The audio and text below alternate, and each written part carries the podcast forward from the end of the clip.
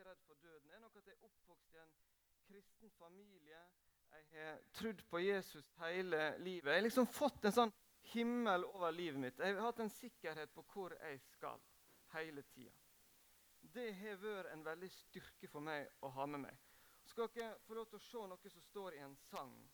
Som en sang som jeg lærte meg tidlig, og som jeg ble veldig glad i. Det siste verset på en sang av Bjørn Eidsvåg som heter 'Jeg ser'. Og Der står det 'Jeg ser at du er redd, men jeg kan ikke gå i døden for deg'. Du må smake han sjøl, men jeg gir død til liv for deg. Jeg gir død til liv for deg. Jeg har gjort død til liv for deg. Det er veldig sterkt, det som står i disse her, eh, linjene her. Jeg tenker at det er veldig legitimt å kunne være redd for å dø. For det som det står i sangen her, så må vi smake noe av det sjøl. Men i trua på Jesus så kan vi få lov til å være rolig og avslappa av det som skal skje etterpå. For det, er en som har gjort død til liv for oss. Når jeg var ute i Peru og jobba der, så, traf, eh, så, kom det stadig ut studenter fra Norge. Det var med forskjellige grunner for det. Um, men ene gangen særlig så var det fire stykker som kom, som jeg fikk bruke ganske mye tid med. Vi reiste rundt og skulle se på forskjellige prosjekt. Uh, og det som var litt spesielt da, det var at En av disse studentene hun uh, fortalte veldig åpenlyst til oss at hun hadde uh, Hun så på dette annerledes enn hva jeg gjør. Denne studenten hun sa at hun var skikkelig redd for døden. Hun sa at omtrent hver eneste kveld så grein hun med tanke på at en dag så skulle eh, foreldre dø, venner dø, og hva skjedde? Hun hadde en veldig usikkerhet med tanke på døden. Eh, hun var ikke kristen sjøl og sa at dette med døden, det skremte hun. Hva er det som skal møte oss i døden? Kanskje kjenner du deg mer igjen i hun eller det jeg fortalte om mine opplevelser. Det vet ikke jeg. Kanskje sitter du her i dag og er redd for døden. Kanskje du tenker at du har ikke et avgjort eh, Du har liksom ikke bestemt deg om du vil tilhøre Jesus. Um, jeg hadde også en del kristne, ikke-kristne venner når jeg studerte, særlig i Oslo. Og Noen av dem sa til meg at det, vi ser at du har en, du har en ro, en fred, som vi ikke kjenner på. Jeg kunne glede meg over det, men skulle gjerne ønske at de kunne ha noe av det samme. Um, og jeg tenker at i tillegg til denne sangen så er det et annet ting som har vært viktig for meg da. Johannes 3, 16. For så høyt har Gud elska verden at han ga sin sønn, den enbårne, for, for at hver den som tror på Han, ikke skal gå fortapt, men ha evig liv. Dette her verset her forteller så tydelig og klart at jeg har grunn til å ha den freden.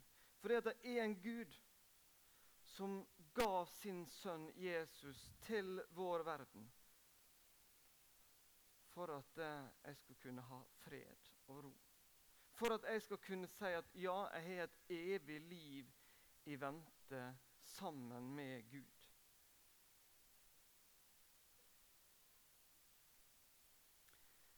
Så fra den dagen Jesus lot seg spikre opp på korset. Fra den dagen så ble Gud og mennesket forsont. Gud sin hellighet og mennesket sitt syndige liv, det går ikke sammen. Men fordi at Jesus han var villig til å bli nagla fast på det korset. Sånn at Gud og jeg og du kan få lov til å være sammen. Vi er forsont. Så kan jeg ha fred. Helt ifra Adam og Eva så har vi mennesker blitt født inn i verden med en men, med en menneskenatur, en natur som er i opprør mot Gud. Men så fiksa Jesus det når han lot seg bli nagla fast til det korset. Jeg skal lese ett bibelvers til til dere. Det står i Galaterne 1.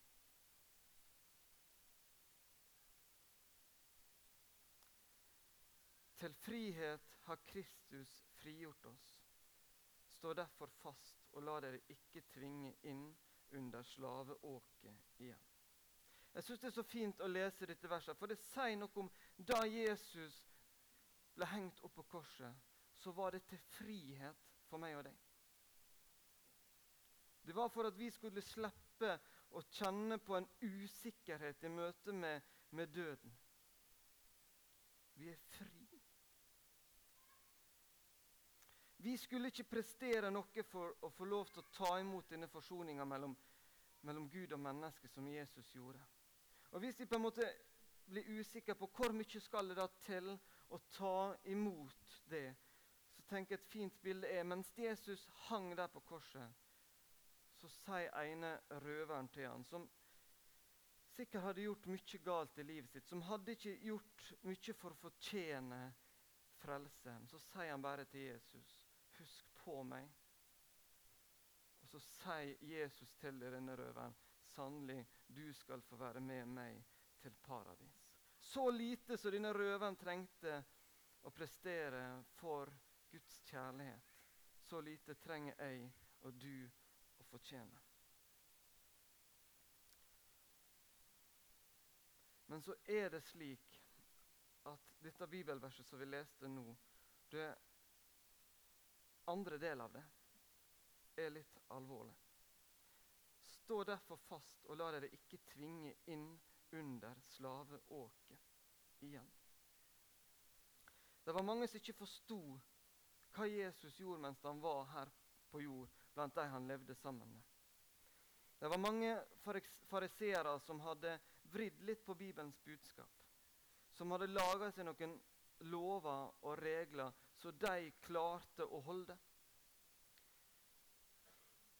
Fariseerne trodde at de kunne gjøre seg rettferdig gjennom sine gjerninger. Kom Jesus med et krystallklart budskap at slik var det ikke. Men 1500 år etter dette her, så blir det altså født en gutt i Tyskland som kjenner på mye av samme følelsene som denne studenten jeg møtte ute i Peru. Han kjempa med en redsel for døden. Han var redd for hva som skulle skje Martin Luther. Han var livredd. Runar Bang sto her og, og snakka litt om det 1.10. Fortalte om hvordan Martin Luther hadde det som, som gutt. Den kirka hadde forandra på budskapet i løpet av disse 1500 åra og fortalte at jo, du må prestere noe sjøl. Enten så kan du ha så mange gode gjerninger at du kommer til himmelen. Kanskje kan du være heldig og få låne noen overskuddsgode gjerninger fra en helgen. Eller så må du kjøpe deg avlat, sånn at du kan få lov til å bli frelst og komme til Jesus. Og I møte med dette budskapet som kirka da hadde, så var Martin Luther redd. Han var redd for hva han hadde i møte. Og en del ganger stilt meg det spørsmålet hadde det vel lettere om Gud hadde gjort det slik at vi måtte gi litt for å, for å fortjene frelse. For det ligger utrolig latent i oss å tenke den tanken at vi, vi burde ha gjort noe sjøl. Vi føler det liksom litt bedre hvis vi, hvis vi føler at vi kunne blitt fortjent å bli tilgitt. Hvis vi hadde gjort litt sjøl for denne tilgivelsen, så hadde det kanskje vært lettere å godtatt den. Vi vil så gjerne få gjøre noe, prestere noe, for å motta. Og det er litt, vi, det, vi lever i et samfunn som gjerne er oppbygd akkurat slik. Vi vant hele tida til å å måtte gjøre noe, til å prestere, og så få en belønning. Og Dette har vi så lett for å ta inn i vår religion, inn i vår kristendom. I Peru var også dette her noe som var veldig tydelig å se. På, på mange områder i, i livet til, til, disse peruanerne.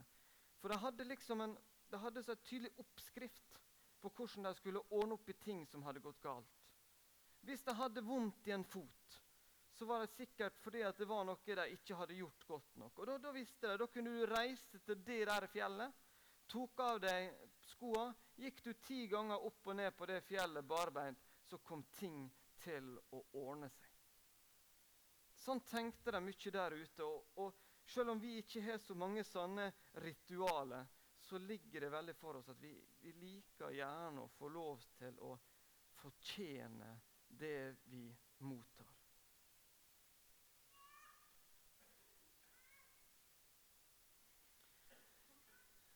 Som Margrethe fortalte litt om i stad, så Martin Luther begynte først å studere eh, juss, men etter hvert så havna han inn på teologi. Han ble munk, og han havna til slutt i Wittenberg som professor. De skulle bygge opp et stort, flott universitet i Wittenberg. Og Der satt han altså en dag og forberedte seg på å undervise i Romabrevet. Han hadde bare kommet til det 16. verset i første kapittelet, og så møtte han.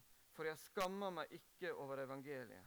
Det er en Guds kraft til frelse for hver den som tror. Jøde først, og så greker. For i det åpenbares Guds rettferdighet av tro til tro, slik det står skrevet. Luther hadde sikkert lest dette mange ganger før. Han kunne det kanskje omtrent utenat. Men denne dagen her så får han en helt ny åpenbaring i møte med det første kapittelet i Romerbrevet. Han skjønner at det er ikke pga.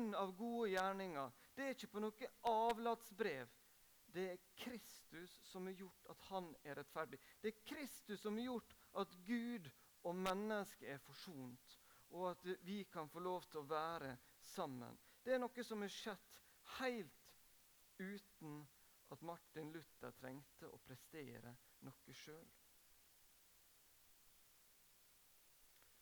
Denne hendelsen og en del hendelser etterpå førte altså til at han, iallfall sånn historia sier det, 31. oktober 1517 hang opp 95 teser på kirkedøra i Wittenberg.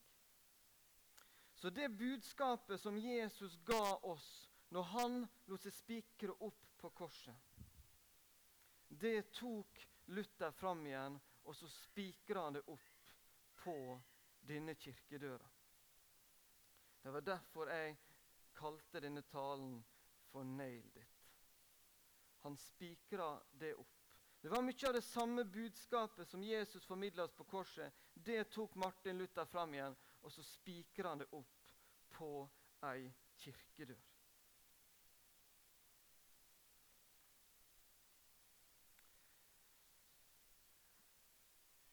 Luther sjøl var, nok, var ikke opptatt av at vi skulle kalle kirka for luthersk. Kanskje han egentlig ikke hadde likt det så godt. Han ville ikke ha fokus på seg. Så når vi kanskje av og til syns det blir mye snakk om Luther, så er det viktig at det ikke er personen Luther som er det viktige. Det viktige det er budskapet hans. Og at vi også nå, 500 år etterpå, kan være opptatt av det Jesus gjorde på korset, det var nok at vi ble frikjøpt der. At vi er frigjort. Og at vi ikke må begynne å blande inn et budskap som forteller at vi må fortjene dette her, eller vi, vi må gi noe for å fortjene det her. Begynne å få inn gjerninger. For vi trenger nemlig å bli minnet på det. Uh, jeg har lyst å avslutte med to praktiske eksempel på det fra vår hverdag. Eh, vi lever i et samfunn som vi i det siste har kalt for et prestasjonssamfunn. Eh, vi har en tendens til å være opptatt av eh, det med at vi skal prestere best mulig. På alle områder i livet. Det kan være skole, det kan være jobb, det kan være eh, trening, utseende. Overalt så skal vi liksom gjøre det så bra. Vi skal prestere på topp hele tida. Men også her så treffer dette her budskapet oss og Luthers sin Måten han peker på rettferdiggjørelse, det at vi blir rettferdiggjort, kan også ha mye å si for hvordan vi lever dette livet vårt når det gjelder dette prestasjonssamfunnet. Fordi at vi trenger å se at også livet vårt er en gave ifra Gud. Vi er født inn i denne verden her uten å fortjene det. Og det er akkurat det at vi er født av Gud og gitt livet, fått livet i gave av Gud, som setter verdien på livet vårt. Det at vi er elska av Han, at vi er skapt i hans bilde, det er det som forteller oss hvem vi er. Det er ikke gjerningene våre, det er ikke hvor godt som vi presterer, som skal få lov til å definere oss. Vi voksne vi trenger å se oss sjøl i speilet og fortelle oss sjøl at det som gir oss verdi, det som forteller oss hvem vi er, det er det at Gud har skapt oss, ikke gjerningene våre. Vi trenger å sette oss ned med barna våre og fortelle dem akkurat det. For i ei tid Luther levde i ei tid der han hadde et gudsspill om en stor, farlig Gud som kom til å dømme han knallhardt hvis han ikke gjorde nok gode gjerninger eller kjøpte avlatsbrev. Men mange av oss har i dag som ei egenprodusert guddommelig stemme som, opp, som ligger oppi hodet vårt og forteller oss at vi ikke presterer godt nok. Men på samme måte som, som Guds budskap, som Jesu budskap, kunne fortelle Luther at du er fri, du skal ikke prestere noe, så kan den samme Bibelens budskap fortelle meg og deg i dag at eh, det er ikke hva vi klarer å gjøre. Det er ikke hva vi klarer å prestere, som er det avgjørende. Det avgjørende er like mye i dag hva Gud har gjort. Både for å forsone eh, verden med seg sjøl, men også når det gjelder det å ha skapt oss og ha gitt oss dette livet som en gave. Det andre eksempelet jeg ville trekke fram, handler om å kommunisere ut det vi tror på. Fordi at eh, når Luther var en liten gutt, som var gudstjenestene på latin. Det hadde Bibelen på latin, og det var stort sett kun presten som mottok nattvær på vegne av folka. Dette ble det slutt på. Luther oversatte Bibelen til tysk. Jeg så et foredrag for ikke så lenge siden der de putta merkelappen 'sosiolingvist' på Luther. Det betyr altså at han hadde en formidabel evne til å oversette Bibelen til et tysk som hele Tyskland forsto. Både de som hadde en del utdannelse, men også de som ikke hadde utdannelse, forsto Bibelens budskap. Og det tenker jeg at vi må ta seriøst i dag. Hvordan formidler vi det vi tror på, til de rundt oss, slik at de kan forstå hva er det vi tror på? Tenker vi gjennom hvordan vi prater om kristendommen? Hvordan vi uttrykker oss? Når vi snakker om å være vaska rein gjennom lammets blod, forstår en gutt det som ikke er oppvokst i en kristen heim, som ikke har vært på leir, som ikke har vært på søndagsskole, og som kanskje sov seg gjennom kristendomstimene på skolen. Det er ikke sikkert at han forstår et sånt uttrykk. Um, sangen 'Vår Gud, han er så fast ei borg', den tok Luther. Og så skrev han den på en melodien faktisk til ei populær tysk drikkevise. Fordi at folk skulle bli glad i denne sangen. For at kunne, alle folka skulle synge. Så satt de faktisk og sang 'Vår Gud han er så fast er borg' rundt omkring i Tyskland. Skjønte hva de sang på en melodi de var glad i. Så jeg vil at vi skal huske fra i dag at eh, Luther er ikke det som er det viktige. Vi skal ikke få Luther som noen avgud eller gi han noen ufortjent heltestatus. Men vi skal være opptatt av den lutherske lære. Vi skal være opptatt av at Jesus var nagla på korset for meg og deg. Og at vi skal få lov til å ta imot gaver og bli frelst uten å fortjene det. Så skal vi være opptatt av at vi må formidle Bibelens budskap slik i tida som kommer. At det må vi nagle fast for øynene våre. Et rent og tydelig evangelium. Så om du kjenner på redselen for døden og er redd for hva som venter, så er det altså én plass å gå. Det er Jesus.